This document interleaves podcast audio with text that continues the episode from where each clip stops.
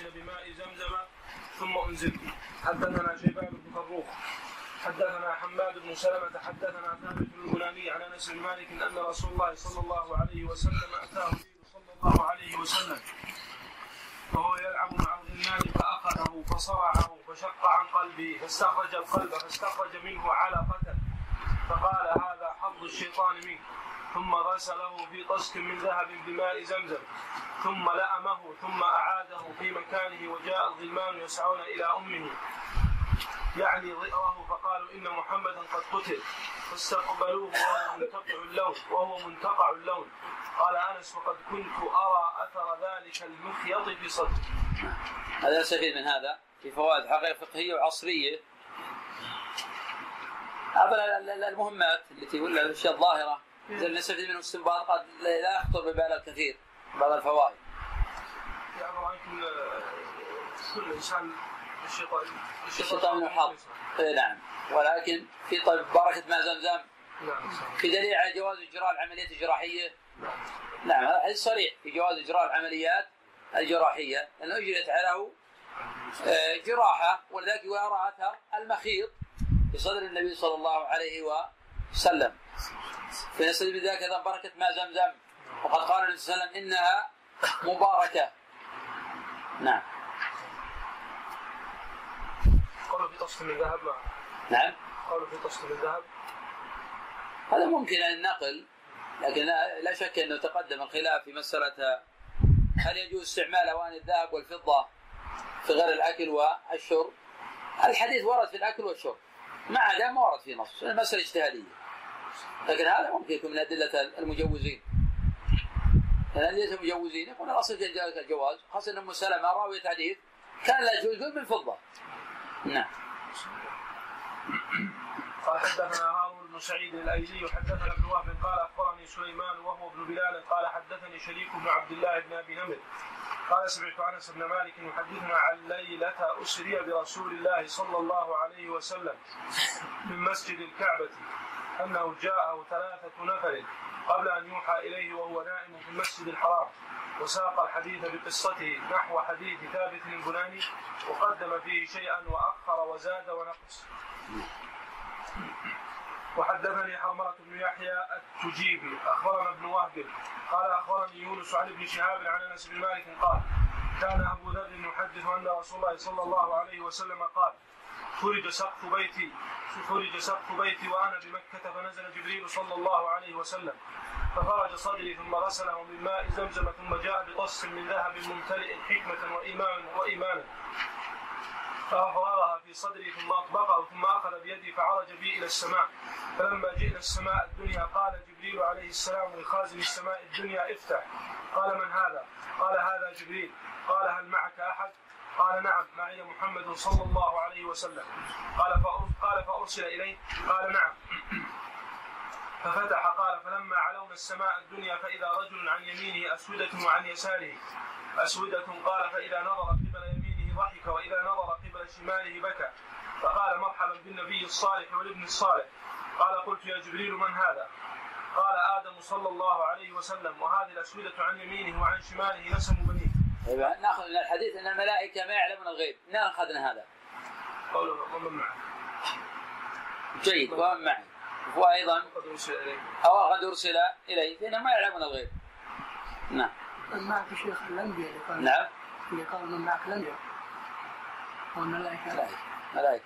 حراس السماء الحديث السابق آه، موسى وعيسى لا ما في. كله كله حراس الملائكة. كل الملائكة. إيه.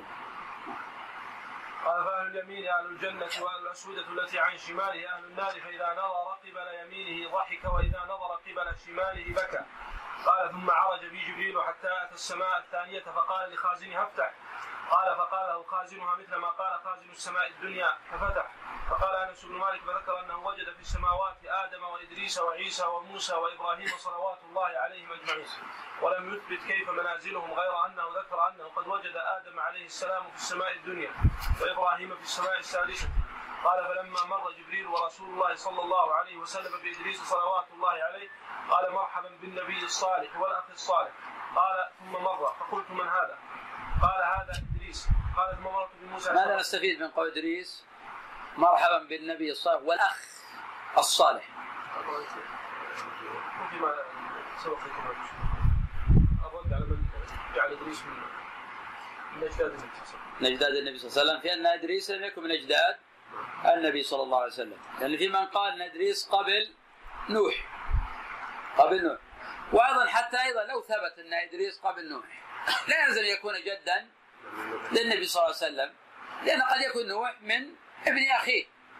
من سلاله ابن أخيه ولا يلزم يكون من ذرية إدريس. مع أن ابن مسعود يا جماعة يرون أن إدريس هو إلياس. وإلياس من ذرية آه، نوح. فعلى هذا ليس جدا للنبي صلى الله عليه وسلم. وابن عباس يقول ليس بين آدم ونوح آه، نبي. نعم. قال قال ثم مر فقلت من هذا؟ قال إدريس. قال ثم مررت بموسى عليه السلام فقال مرحبا بالنبي الصالح والأخ الصالح. قال قلت من هذا؟ قال هذا موسى. قال ثم مررت بعيسى. فقال مرحبا بالنبي الصالح أو الأخ الصالح. قلت من هذا؟ قال هذا عيسى بن مريم. قال ثم مررت بإبراهيم عليه السلام فقال مرحبا بالنبي الصالح والابن الصالح. قال قلت من هذا؟ قال هذا إبراهيم. قال ابن شهاب واخبر ابن حزم أن ابن عباس وأبا حبة الانصاري يقولان قال صلى الله عليه وسلم ثم عرج بي حتى ظهرت لمستوى أسمع فيه صريف الأقلام. قال ابن حزم وأنس بن مالك قال صلى الله عليه وسلم ففرض الله على أمتي خمسين صلاة قال فرجعت بذلك حتى أمر بموسى. فقال موسى عليه السلام ماذا فرض ربك على أمتي؟ قال قلت فرض عليهم خمسين صلاة. قال لموسى عليه السلام فراجع ربك فإن أمتك لا تطيق ذلك. قال فراجعت ربي فوضع شطرها. هذا نستفيد مسائل العقيدة في المقطع هذا. علوم الله تعالى. نعم في إثبات علو الله على خلقه وأن الله فوق السماوات مستو على عرشه لأن النبي صلى الله عليه وسلم صعد إلى السماء. نعم. قال قال فوضع شطرة قال فرجعت إلى موسى عليه السلام فاخبرته قال راجع ربك فإن أمتك لا تطيق ذلك. قال فرجعت ربي فقال هي خمس وهي خمسون. لا يبدل القول لدي. قال فرجعت إلى موسى فقال راجع ربك. فقلت قد استحييت من ربي. قال ثم انطلق بي جبريل حتى نأتي سدرة المنتهى. فغشيها ألوان لا أدري ما هي. قال ثم أدخلت الجنة فإذا فيها جنابذ اللؤلؤ وإذا ترابها المسك. حدثنا محمد بن مثنى حدثنا ابن عن سعيد عن قتادة عن أنس بن مالك لعله قال عن مالك بن صعصعة رجل من قومه قال قال نبي الله صلى الله عليه وسلم بين أنا عند البيت بين النائم واليقظان إذ سمعت قائلا يقول أحد الثلاثة بين الرجلين. فأتيت فانطلق بي فأتيت بطشت من ذهب فيها من ماء زمزم فشرح صدري إلى كذا وكذا. قال قتادة فقلت للذي معي ما يعني؟ قال إلى أسفل بطني. فاستخرج قلبي فغسل بماء زمزم ثم أعيد مكانه ثم حشي هذا نستفيد ف قضية مثلا يقول فشق صدره ماذا نستفيد من هذا؟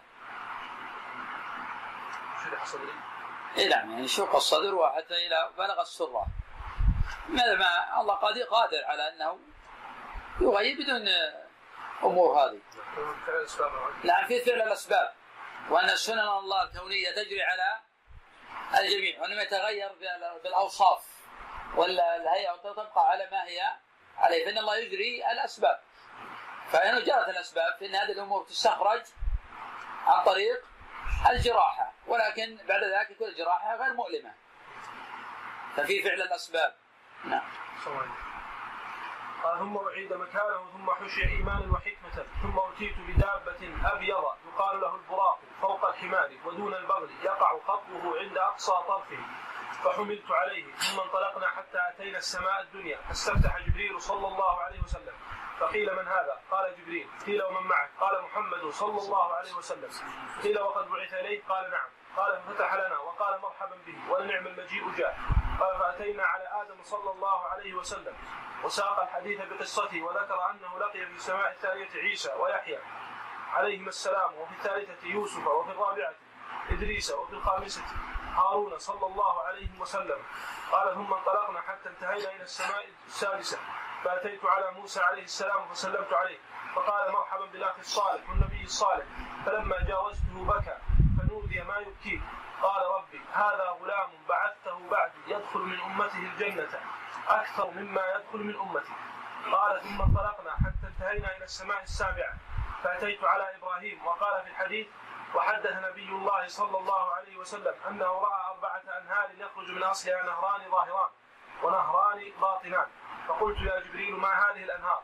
قال أما النهران الباطنان فنهران في الجنة وأما الظاهران فالنيل والفرات. ثم رفع ثم رفع لي البيت المعمور.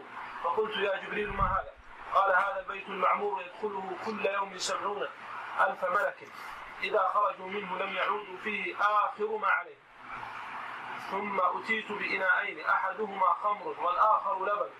فعرض علي فاخترت اللبن فقيل أصبت أصاب الله بك أمتك على الفطرة ثم فرضت علي كل يوم خمسون صلاة ثم ذكر قصتها إلى آخر الحديث. الحمد لله رب العالمين والصلاة والسلام على أشرف الأنبياء والمرسلين نبينا محمد وعلى آله وصحبه أجمعين. أما بعد فقال الإمام مسلم إيش النسخة الثانية؟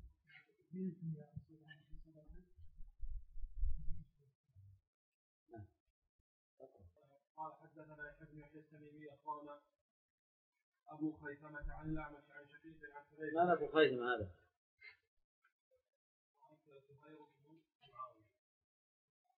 إيه أو زهير بن حرب. ما في علمنا قبل زهير بن حرب يروي عنه مباشر وهو أبو خالد زهير بن حرب. وهذا أبو خالد زهير بن معاوية. يروي عنه بواسطة رجل. يحيى بن يحيى من هذا؟ تميم نعم قال عن الاعمش عن شقيق عن حذيفه قال كنت مع النبي صلى الله عليه وسلم فانتهى إلى سباقه قوم فبال قال فتنحيت فقال ادنه فدنوت حتى قمت عند عقبيه فتوضا فمسح على خفيه. نعم ماذا يفيد هذا الخبر؟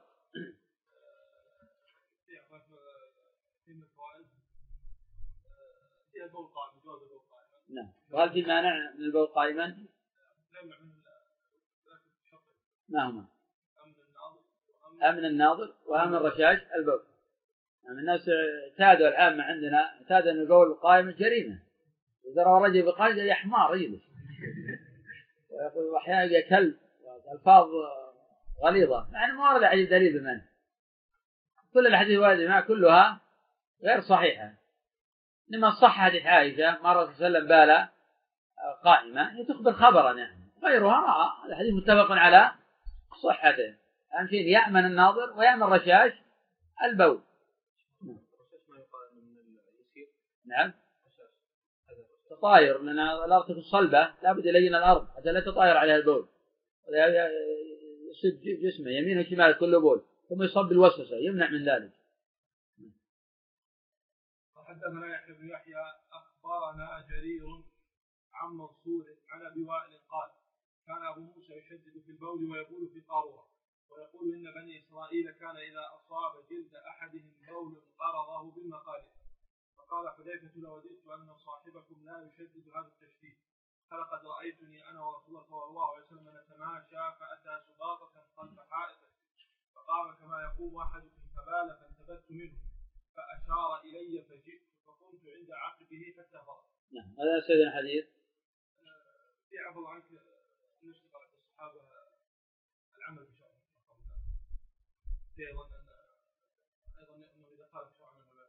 نعم نعم. فيها التلطف بالرد. تلطف بالرد. لأن قال وددت أن صاحبكم مع أنه يحمل حديثا كرد على عمل لكن تلطف له بالرد. وددت صاحبكم قد ترك هذا فتلطف له بالرد. وأيضا في فوائد ما هي؟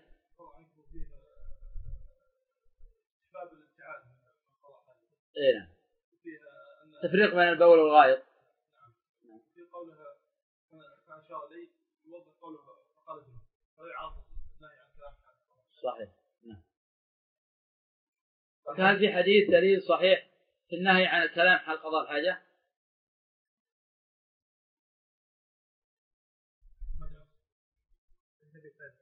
نعم. صحيح هذا؟ لأن مدار على يحيى بن أبي كثير. عن عياض بن هلال عن أبي سعيد الخدري. وعياض بن هلال هذا غير معروف. ولا يصح في النهايه شيء. ما في حديث صحيح.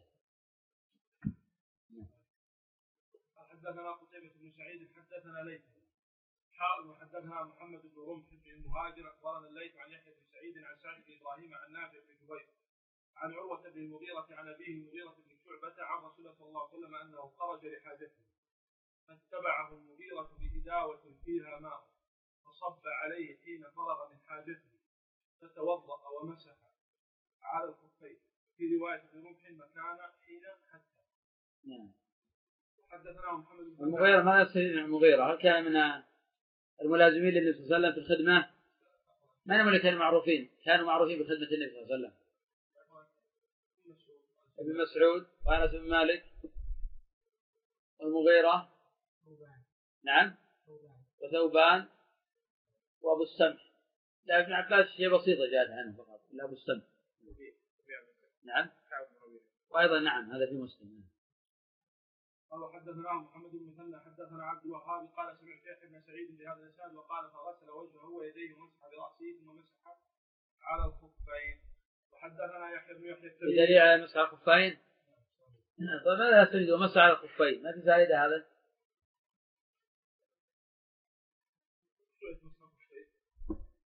ومسح الخفين مش فائدة واضح اللي قلنا. وأيضا في قدر آخر ما في فائدة أخرى.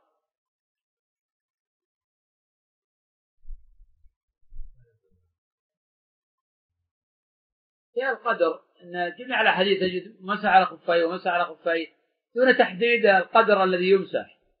واحتج ابن تيمية بهذا الحديث وما شابهه على أنه يمسح بقدر ما يسمى مسحا. لا يلزم من ذلك قدر معين. تجد شيخ الإسلام بهذا الحديث وما شابه من الأحاديث. هذا الحنابلة يقول من أطراف الأصابع إلى فوق. شيخ الإسلام ما يرى هذا الرأي يقول ما عليه دليل. تمسح بقدر ما يسمى مسحا. نعم.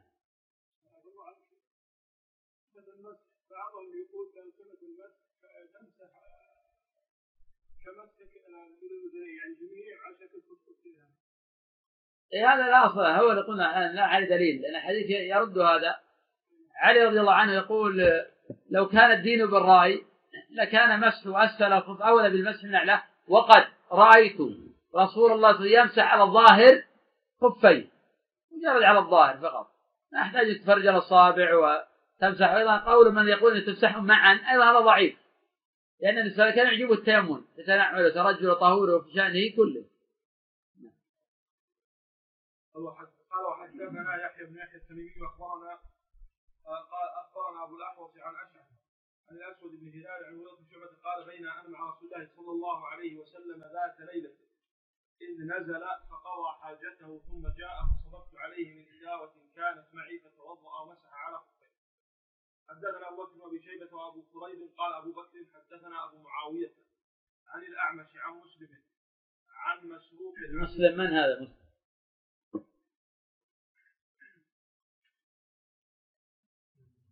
نعم صحيح. شي قالوا؟ البطيء قال عن مسلم عن مسروق عن شعبة قال كنت مع النبي صلى الله عليه وسلم في سفر. فقال يا مغيرة خذ الإداوة فأخذتها ثم خرجت معه فانطلق رسول الله صلى الله عليه وسلم حتى توارى عني فقضى حاجته ثم جاء وعليه جبة شامية ضيقة الكمين فذهب يخرج يده من كمها فضاقت عليه فأخرج يده من أسفلها. فصببت عليه فتوضأ وضوءه للصلاة ثم مسح على خفيه ثم صلى. وحدثنا إسحاق بن إبراهيم وعلي بن خشرم جميعا عن عيسى بن يونس قال إسحاق آه، أخبرنا عيسى حدثنا الأعمش عن مسلم عن مسروق عن ولد بن شعبه قال خرج رسول الله صلى الله عليه وسلم ليقضي حاجته. فلما رجع تلقيته بالإداوة فصببت عليه فغسل يديه ثم غسل وجهه ثم ذهب ليغسل ذراعيه فضاقت الجبة. فأخرجهما من تحت الجبة فغسلهما ومسح رأسه ومسح على خفيه ثم صلى بنا حدثنا محمد بن عبد الله بن نمير حدثنا أبي حدثنا زكريا عن عامر. قال أخبرني عروة بن المغيرة عن ابي قال كنت مع النبي صلى الله عليه وسلم ذات ليلة في مسير. فقال لي أمعك ماء؟ قلت نعم. فنزل عن راحلتي معك فمشى ما أمعك ماء؟ أمعك ماء؟ قال قلت نعم.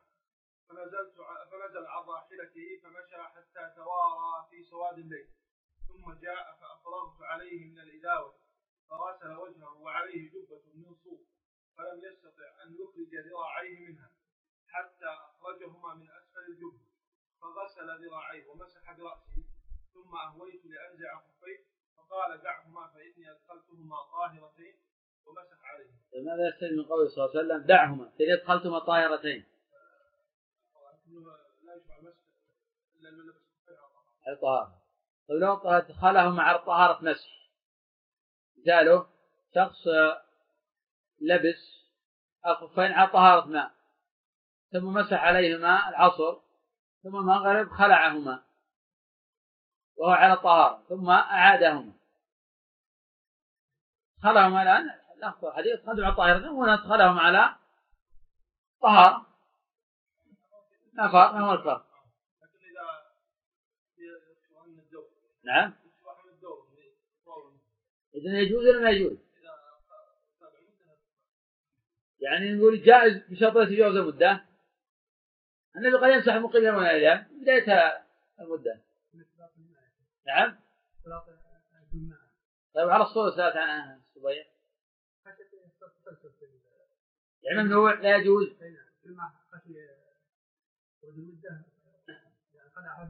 أعادهم. نعم صحيح هذا بالاتفاق ما في خلاف. هذا متفق على منعه إذا دعم أدخلتم الطاهرتين أي طهارة ماء أما طهارة المسح فلا تصح لأن على هذا يكون تسلسل ولا يكون التوقيت معنى. وعلى هذا لا معنى لقول صلى الله عليه وسلم يمسح يوما وليلة ومسافر ثلاثة أيام. كل ما وشت يوم تنتهي نزعهما ثم أعادهما فلا يكون في توقيت. نعم. نعم. يعني طهارة ماء ما في إشكال طهارة مسح حدثني محمد بن حاتم حدثنا إسحاق بن منصور حدثنا عمر بن أبي زائدة عن الشعبي عن عروة بن المغيرة عن أبيه أنه وضأ النبي صلى الله عليه وسلم فتوضأ ومسح على خفيه فقال له فقال إني أدخلتهما طاهرتين. وحدثنا وحدثني محمد بن عبد الله ابن بزيع. حدثنا يزيد يعني ابن زريع حدثنا حميد الطويل حدثنا بكر بن عبد الله المزني عن عروة بن المغيرة بن شعبة عن أبيه قال تخلف الناس قال تخلف رسول الله صلى الله عليه وسلم وتخلفت معه فلما قضى حاجته قال أمعك ماء؟ فأتيته بمطهرة فغسل كفيه ووجهه ثم ذهب يحسر عن ذراعيه فضاق ثم الجبة فأخرج يده من تحت الجبة وألقى الجبة على منكبيه. وغسل ذراعيه ومسح بناصيته وعلى العمامة وعلى خفيه ثم ركب وركبت فانتهينا إلى القوم وقد قاموا في الصلاة يصلي بهم عبد الرحمن بن عوف وقد ركع بهم ركعة فلما احس بالنبي صلى الله عليه وسلم ذهب يتأخر فأومأ إليه فصلى بهم فلما سلم قام النبي صلى الله عليه وسلم وقمت فركعنا الركعة التي سبقتها. ماذا يستفيد هذا الحديث؟ في عدة فوائد فقهية. الرد على ابي حنيفة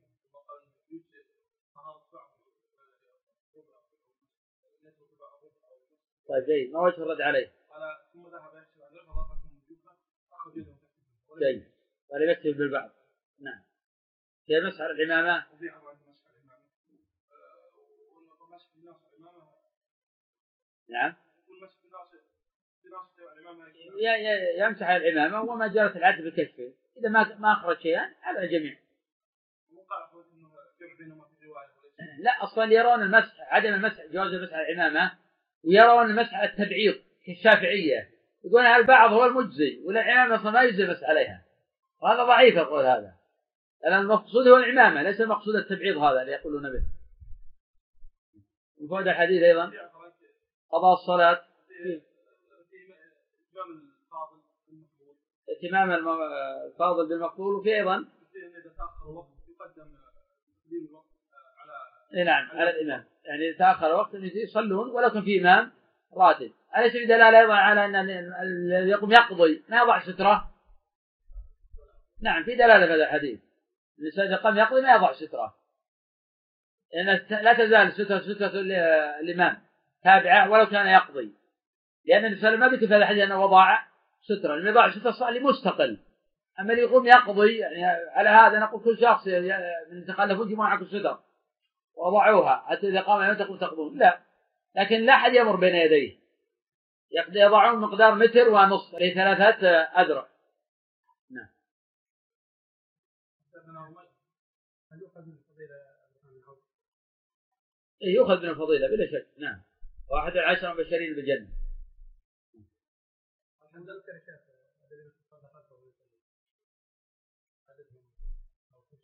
ما على إلا اثنين فقط. أبو بكر الصديق الرحمن بن عوف ما ذكر الفقهاء إلا اثنين. نعم. يعني كلام عن البشر. كلام عن البشر. حدثنا أمية بن بسطام ومحمد بن عبد الأعلى قال حدثنا المعتمر عن أبيه قال حدثني بكر قال حدثني بكر بن عبد الله عن ابن المغيرة عن أبيه أن النبي صلى الله عليه وسلم مسح على الخفين ومقدم رأسه وعلى عبادته الحمد لله رب العالمين والصلاة والسلام على أشرف الأنبياء والمرسلين نبينا محمد وعلى آله وصحبه أجمعين. أما بعد قال الحجاج في صحيح وحدثنا محمد بن بشار ومحمد بن حاتم جميعا عن يحيى القطان قال ابن حاتم حدثنا يحيى بن سعيد عن التيمي عن بكر بن عبد الله عن الحسن عن ابن المغيرة بن شعبة عن أبيه قال بكر وقد سمعت من المغيرة أن النبي صلى الله عليه وسلم توضأ فمسح بناصيته وعلى العمامة وعلى الخفين. هذا نسأل من فقه الإمام. من قال بهذا القول؟ حنابلة. طيب من أهل الحديث؟ إسحاق من قال به؟ طيب من أهل الفقه؟ داود بن علي قال به وابن حزم نعم نعم حدثنا أبو بكر بن ابي شيبه ومحمد بن العلاء قال حدثنا أبو معاوية حاء وحدثنا إسحاق اخبرنا عيسى بن يونس كلاهما عن الأعمش عن الحكم. عن عبد الرحمن بن أبي ليلى عن كعب بن عجرة عن بلال أن رسول الله صلى الله عليه وسلم مسح على الخفين والخمار وفي حديث عيسى حدثني الحكم. حدثني بلال وحدثني سويد بن سعيد حدثنا علي وعن ابن مسلم عن الأعمش بهذا الإسناد وقال في الحديث رأيت رسول الله صلى الله عليه وسلم وحدثنا إسحاق بن إبراهيم الحنظلي اخبرنا عبد الرزاق اخبرنا الثوري عن عمرو بن قيس الملائي عن الحكم بن عتيبة عن القاسم بن مخيمرة عن شريح بن هانئ قال أتيت عائشة أسألها عن المسح على الخفين فقالت عليك بابن أبي طالب. فسلم فإنه كان يسافر مع رسول الله صلى الله عليه وسلم. فسألناه فقال جعل رسول الله صلى الله عليه وسلم ثلاثة أيام ولياليهن للمسافر. ويوما وليلة للمقيم. قال وكان سفيان إذا ذكر عمرا عليه. هذا نستفيد من خبر؟ أول أستاذ الحديث صحيح ولا لا؟ رجع ما عبد الرزاق عن الثوري تكلم عليه الإمام أحمد. تكلم في مكة فقط. عبد الرزاق عن الثوري الصحيحين كيف نميز مكه؟ نعم. كيف نعرف في مكة ولا غير مكة؟ إذا نص عليه امام ما يعرف عن طريق الرابع نعم. ما يعرف عن طريق الرابع عند الرزاق كم مثل المكي لا لا ما يعرف نعم.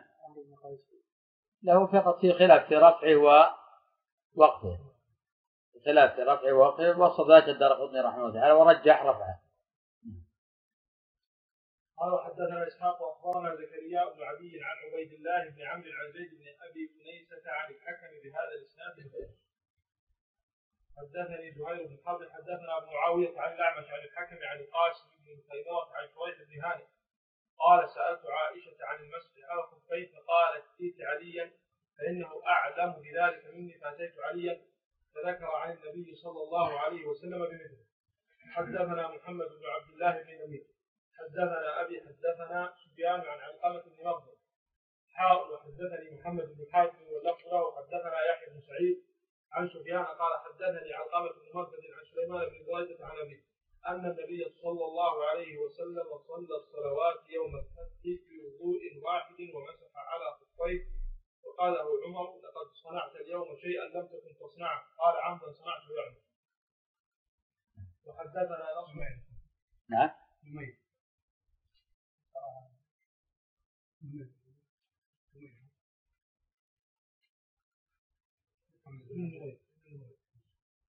صحيح. غلط مميز. إيه. في خلاف البخاري أو الثلاثه لا تسمى لأن ذكر ابي أكثر من 30 عاما. تثبت مسمى بعيد جدا. نعم. قال حدثنا نصر بن علي الجهرمي وحامد بن عمر البك- البكراوي. قال حدثنا بشر بن المفضل عن خالد عن عبد الله بن شقيق عن أبي هريرة أن النبي صلى الله عليه وسلم قال إذا استيقظ أحدكم من نومه فلا يغمس يده في الإناء حتى يغسلها ثلاثا فإنه لا يدري أين باتت يده. طيب لو غمس يده خالف هل يصح الوضوء أم لا؟ يجي مسألة النهي طيب عطنا مذاهب. الراجح حضرتك أنه يأخذ المساجد اذا عاد إلى هذا التحريم في نفس العمل أو شرطه. هذا فساد الخطأ طيب هنا.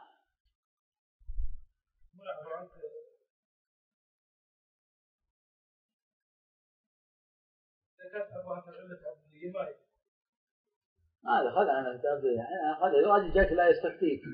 غمس يدي في الإناء وتوضأت ورحت صليت الوضوء صحيح ولا باطل؟ وصلت باطل. لا تعيد الوضوء تعيد الصلاة. لا صحيح صحيح. طبعا نعم هذا قول جماهير العلماء هذا مذهب من الأربعة كلهم. من قال منك يعرف منكم من قال الوضوء باطل.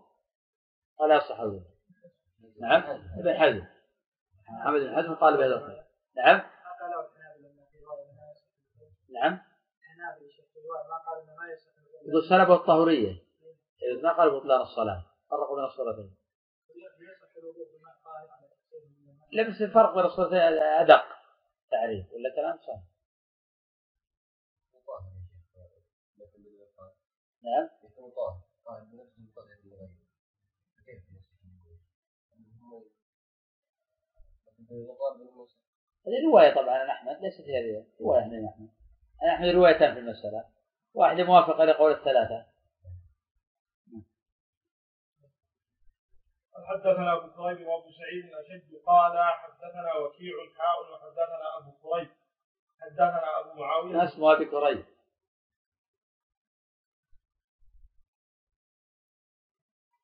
أبي كريب اللي على. عمل قدر عندنا مرار قال حدثنا أبو كريب حدثنا أبو معاوية كلاهما عن الاعمش عن معاوية ما اسمه؟ محمد؟ بن قاسم. نعم حدثنا أبو معاوية كلاهما عن الأعمش عن أبي رزين وأبي صالح عن أبي في حديث أبي معاوية. قال قال رسول الله صلى الله عليه وسلم وفي حديث وكيع قال يرفعه بمثله. وحدثنا أبو بكر بن أبي شيبة وعمرو الناقد وزهير بن حرب قال قالوا حدثنا سفيان بن عيينة عن الزهري عن أبي سلمة. حاء وحدثني محمد بن رافع حدثنا عبد الرزاق أخبرنا معمر عن الزهري عن ابن المسيب كلاهما عن هريره عن النبي صلى الله عليه وسلم بمثله. وحدثني سلمة بن شبيب قال حدثنا حسن بن أعين حدثنا معقل عن أبي الزبير عن جابر عن أبي هريرة أنه أخبره أن النبي صلى الله عليه وسلم قال إذا استيقظ أحدكم فليفرغ على يده ثلاث مرات قبل هذه الطرق لماذا أوردها مسلم؟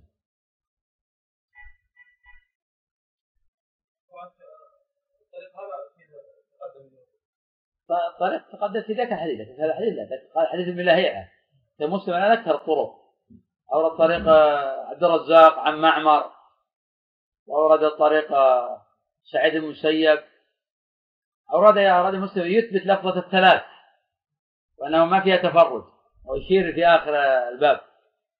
البخاري يعرض عنها. فليغسل يديه ثلاثة هذه آه، مسلم على البخاري. على هذا الإنسان إذا قال متفق عليه يقول اللفظ لمسلم لأن البخاري ما ذكر لفظة ثلاثا أصلا لا واحدة ولا اثنتين ولا هذا اللفظ من أفراد مسلم لكن مسلم أورده من طرق وهذه الطرق موجودة. كمان البخاري فرد بلفظة فتوضأ يغسل؟ الأحسن يقول الإنسان متفق عليه واللفظ لفلان.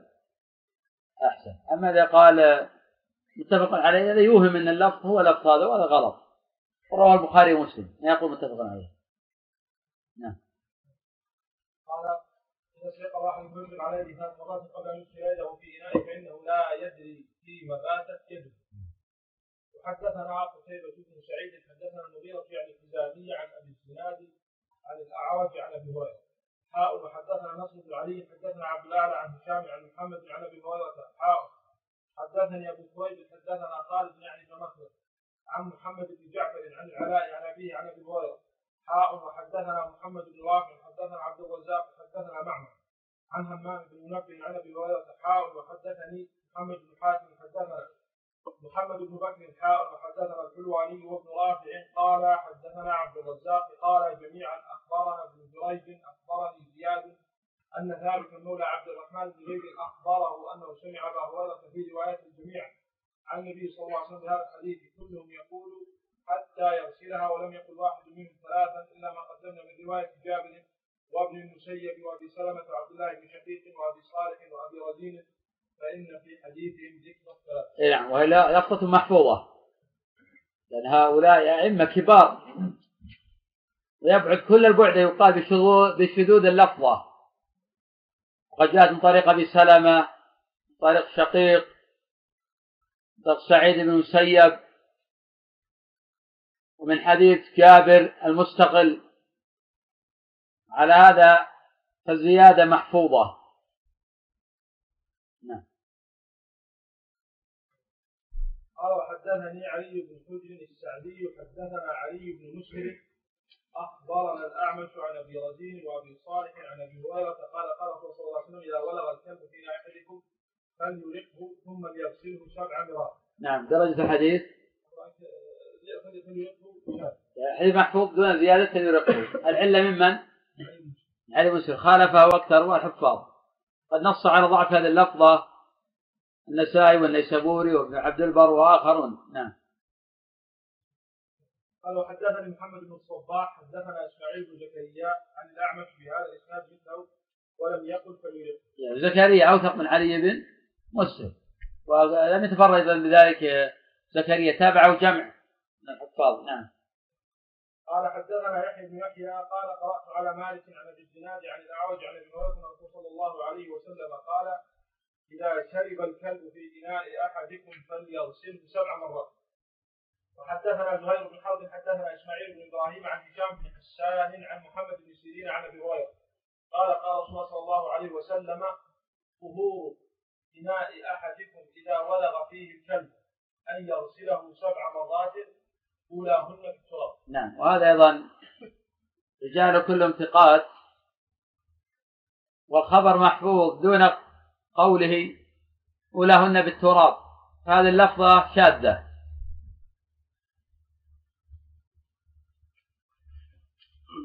وقد أشار إلى شذ هذه اللفظة الإمام أبو داود في سننه. والكبار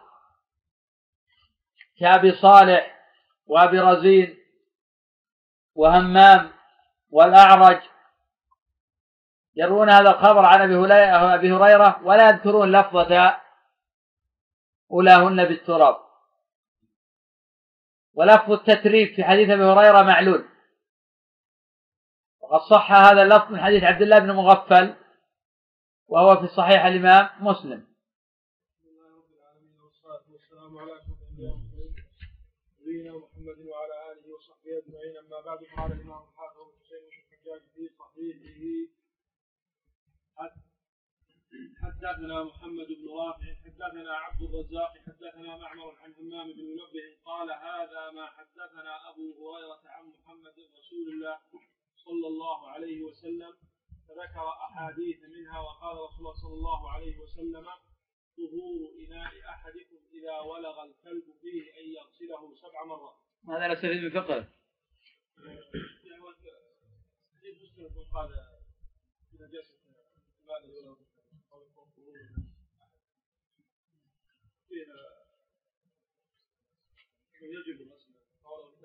الثاني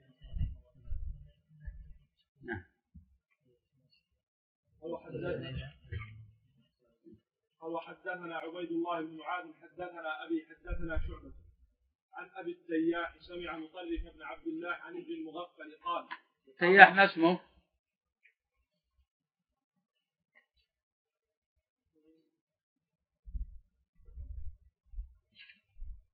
ما اسمه بالتياح ما اسمه بالتياح نعم.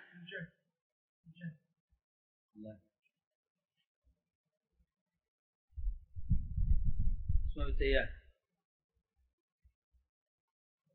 إذا أحد يعرفه بالتياح من هو يزيد بن حميد الضبعي؟ من هو؟ يزيد بن حميد الضبعي. من هو؟ هو بالتياح نعم. يزيد بن حميد الضبعي أبو التياح نعم. قال عن أبي التياح سمع مطرف بن عبد الله عن ابن المغفل. قال أمر رسول الله صلى الله عليه وسلم بقتل الكلاب. ثم قال ما بالهم وبال الكلاب. يعني كان في أول الإسلام يأمر بقتل الكلاب ثم بعد ذلك نسخ هذا الأمر.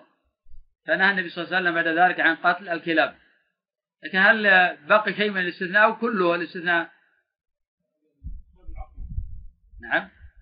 يعني هل في كلب الآن يجوز قتله؟ أم أن النسخ شمل جميع أنواع الكلاب؟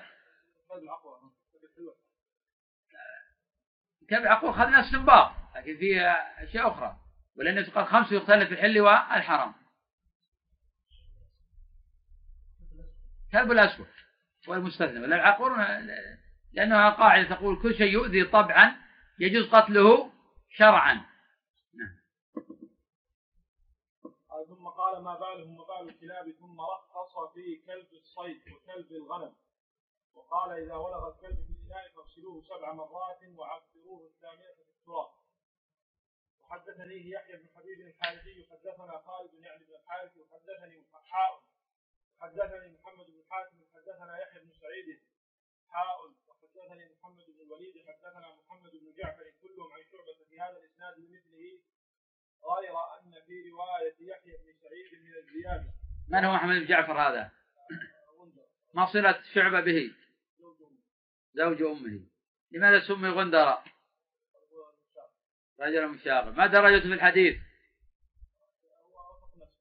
من أوثق الناس في شعبة من خرج له؟ الجماعة. صحيح. ورخص في كلب الغنم والصيد والزرع. وليس ذكر الزرع في الرواية غير يحيى. وحدثنا يحيى بن يحيى. والله قوية. يحيى ثقة ثبت وحدثنا يحيى بن يحيى ومحمد بن رمح قال أخبرنا الليل حاء وحدثنا قتيبة حدثنا الليث عن أبي الزبير عن جابر عن رسول الله صلى الله عليه وسلم أنه نهى أن يبال في الماء الراكد. وحدثني زهير بن حرب حدثنا جرير عن هشام عن ابن سيرين عن أبي هريرة عن النبي صلى الله عليه وسلم قال: لا يبولن أحدكم في الماء الدائم ثم يغتسل منه. ماذا نستفيد من الخبر؟ النهي عن ما هو الماء الدائم؟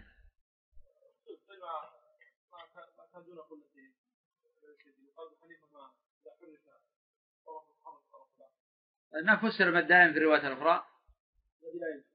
إذا هو الماء الدائم الذي لا يجري. العلة هنا هو البول مباشرة والمقصود إلقاء البول في الماء. جيد. طيب ما معنى قول ثم يغتسل منه. على رواية الرفع ثم يغتسل منه.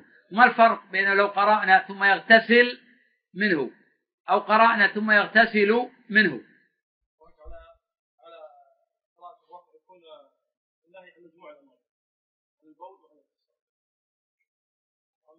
لا. عكس. ذلك لجزام عطفت على النهي. بمعنى لا يبون أحد في الدائم ولا يغتسل منه لأنه جزم. لماذا جزم؟ وإذا رفعت يعني ثم هو يغتسل آه، منه. فيكون كقول صلى الله عليه وسلم لا يضرب أحدكم زوجة ضرب عبده ثم يجامعها. أي لا يليق أن يضربها أول النهار ويحتاج إلى جماعة في آخر النار كذلك هنا لا يليق أن تبول في الماء وأنت تحتاج إلى الاغتسال به. قال وحدثنا محمد بن رافع حدثنا عبد الرزاق معمر عن همام بن منبه. قال هذا ما حدثنا أبو هريرة عن محمد رسول الله صلى الله عليه وسلم. فذكر أحاديث منها وقال صلى الله عليه وسلم لا تبل في الماء الدائم الذي لا يجري ثم تغتسل منه. وحدثنا هارون بن سعيد الأيلي وأبو الطاهر وأحمد بن عيسى جميعا عن ابن وهب. قال هارون حدثنا ابن وهب أخبرني عمرو بن الحارث عن بكير بن الأشج أن أبا السائب مولى. هشام بن زهره حدثه انه سمع أبا هريرة يقول قال رسول الله صلى الله عليه وسلم لا يغتسل احدكم بالماء الدائم وهو جنب فقال كيف يفعل يا أبا هريرة؟ قال يتناوله تناول. ماذا نستفيد من هذا الخبر؟ نهي الجنوب ينغمس في الماء الذي لا يجري. وهل هذا النهي لأنه ينجس الماء؟ ما هو الصحيح؟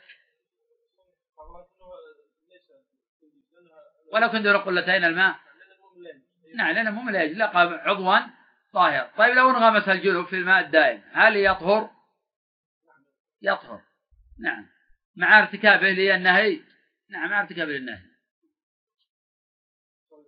حدثنا قتيبة بن سعيد حدثنا حماد وهو ابن زيد عن ثابت عن أنس أن أعرابيا بال في المسجد فقام إليه بعض القوم فقال صلى الله عليه وسلم دعوه ولا تزرموه قال فلما فرغ دعا بدلو من ماء فصبه عليه. تزرمون عندك هكذا بالضم؟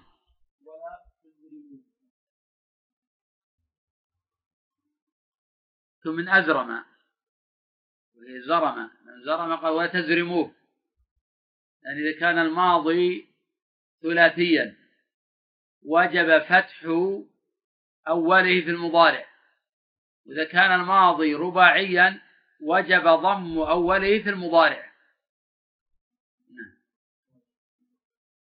قال حدثنا محمد بن مثنى حدثنا يحيى بن سعيد القطان عن يحيى بن سعيد الانصاري حاول حدثنا يحيى بن يحيى وقتيبة بن سعيد جميعا عن الدراوردي قال يحيى بن يحيى أخبرنا عبد العزيز بن محمد المدني عن يحيى بن سعيد أنه سمع أنس بن مالك يذكر أن اعرابيا قام إلى ناحية في المسجد فبال فيها فصاح به الناس. فقال رسول الله صلى الله عليه وسلم دعوه. فلما فرغ أمر رسول الله صلى الله عليه وسلم بذنوب فصب على بوله ماذا يستفيد هذا الحديث؟ المنكر. نعم. وفي عفى الله من دفع دفع أعلى المفسدتين عند التزاحم. نعم إنه إذا تزاحمت مفسدتان نرتكب أدناهما لدفع أعلاهما إن بول الاعراب مفسدة والعاده عن المكان أيضا مفسدة أخرى فارتكبت الدنيا لدفع العليا حتى لا يلوث كل المسجد حدثنا زهير بن حرب حدثنا عمر بن يونس الحنفي حدثنا عكرمة بن عمار حدثنا إسحاق بن أبي طلحة حدثنا أنس بن مالك وهو, وهو عم إسحاق قال بينما نحن في المسجد مع رسول الله صلى الله عليه وسلم إذ جاء أعرابي فقام يقول في المسجد فقال أصحاب رسول الله صلى الله عليه وسلم مه مه قال قال رسول الله صلى الله عليه وسلم لا تكرموه دعوه. فتركوه حتى بات ثم إن رسول الله صلى الله عليه وسلم دعاه. فقال له إن هذه المساجد لا تصلح لشيء من هذا البول ولا القدر. إنما هي لذكر الله عز وجل. والصلاة وقراءة القرآن. أو كما قال صلى الله عليه وسلم قال فأمر رجلا من القوم فجاء بدلو من ماء فشنه عليه. حدثنا أبو بكر بن شيبة وأبو كريب قال حدثنا عبد الله بن نمير حدثنا هشام عن أبيه زوج النبي صلى الله عليه وسلم أن الرسول صلى الله عليه وسلم كان يؤتى بالصبيان فيبرك عليه ويحنكهم فأتي بصبي فبال عليه فدعا بماء فأتبعه قوله ولم يغسله. وحدثنا ماذا يستفيد هذا الخبر؟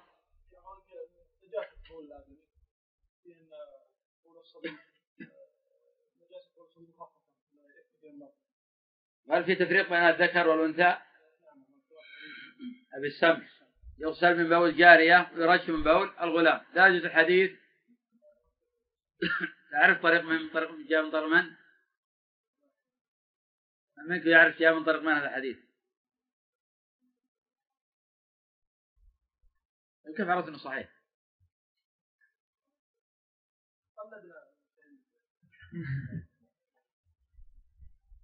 طيب ذكرنا قبل أيام من طريق ابن مهدي عن يحيى ابن الوليد عن محل ابن خليفة قال أخبرني أبو السمح نعم قال وحدثنا زهير بن حرب حدثنا جرير عن هشام عن أبيه عن عائشة قال أتي رسول الله صلى الله عليه وسلم بصبي يرضع فبال في حجره فدعا بماء فصبه عليه. طيب ما حد الصبي هذا الذي يرش ولا يغسل؟ لم ياكل الطعام. جيد اذا إذا هب إنه ما أكل الطعام إلى أن بلغ عشر سنوات. إذا المقصود في سن الرضاع. ما لم يتجاوز سن الرضاع ولم يطعم. نعم. إذا هذا حد الصبي. وعلى هذا يقسم بول الغلام الغلام مقيد بالصبي الذي ما دون الحولين ولا يمكن نحمل على الغلام المطلق لأن الغلام في حيث العموم هو الذي لم يبلغ ولأن الغلام يطلق حتى على الكبير أحيانا كما قال علي رضي الله عنه وقت قتال الخوارج وقد تجاوز الستين أنا الغلام القرشي المؤتمن أبو الحسين فاعلما والحسن قال وحدثنا إسحاق بن إبراهيم أخبرنا. عيسى حدثنا هشام بهذا الإسناد مثل حديث ابن نمير. حدثنا محمد بن رمح بن المهاجر أخبرنا الليث عن ابن شهاب عن عبيد الله بن عبد الله عن أم قيس بنت محصن أنها أتت رسول الله صلى الله عليه وسلم بابن الله. لم يأكل الطعام فوضعته في حجره فبال قال فلم يزد على أن نضح بالماء. وحدثناه يحيى بن يحيى وأبو بكر بن أبي شيبة وعمرو الناقد وزهير بن حرب جميعا عن ابن عيينة عن الزهري بهذا الإسناد وقال فدعا بماء فرشه. وحدثني حرمله بن يحيى أخبرنا ابن وهب أخبرني يونس بن يزيد أن ابن شهاب أخبره قال أخبرني عبيد الله بن عبد الله. ابن عتبة ابن مسعود أن أم قيس بنت محصن وكانت من المهاجرات الأول اللاتي بايعن رسول الله صلى الله عليه وسلم وهي أخت عكاشه بن محصن أحد بني أسد بن خزيمة. قال أخبرتني أنها أتت رسول الله صلى الله عليه وسلم. بابن لها لم يبلغ أن يأكل الطعام. قال عبيد الله أخبرتني أن ابنها ذاك بال في حجر رسول الله صلى الله عليه وسلم. فدعا رسول الله صلى الله عليه وسلم بماء فنضح على فنضحه على ثوبه ولم يغسله غسلا. وحدثنا يحيى بن يحيى أخبرنا خالد بن عبد الله عن خالد عن أبي معشر عن إبراهيم عن علقمة والأسود أن رجلا نزل بعائشة فأصبح يغسل ثوبه. فقالت عائشة إنما كان يجزئك. ان رأيته أن تغسل مكانه فإن لم ترى فرحت حوله. ولقد رأيتني افركه من ثوب رسول الله صلى الله عليه وسلم فرشا فيصلي فيه. طيب ماذا ليس في هذا خبر؟ حسيت المذهب أحمد الشافعي واصحاب الحديث عدم طهاره المنزل طيب رواية عائشة كان الرسول يغسل المني من ثوبه. هذا غير محفوظ. غير محفوظ غير محفوظ. البخاري عرض عنه لما ورده مسلم من طريق محمد بن بشر وأورد أيضا من طريق ابن أبي زائدة بينما خالفه كابر الحفاظ منهم ابن المبارك وحديث الصحيحين منهم عبد الواحد بن زياد وحديث الصحيحين ومنهم الإمام زهير بن معاوية وحديثه عند آه، البخاري. جميعا عن عمرو بن ميمون عن سليمان بن يسار عن عائشة قد كنت أغسل المني. وليس فينا النبي كان يغسل هي كانت تغسل. اللفظة اللي كان فيها النبي كان يغسل هذه اللفظة غير محفوظة والحديث شاذ. نعم.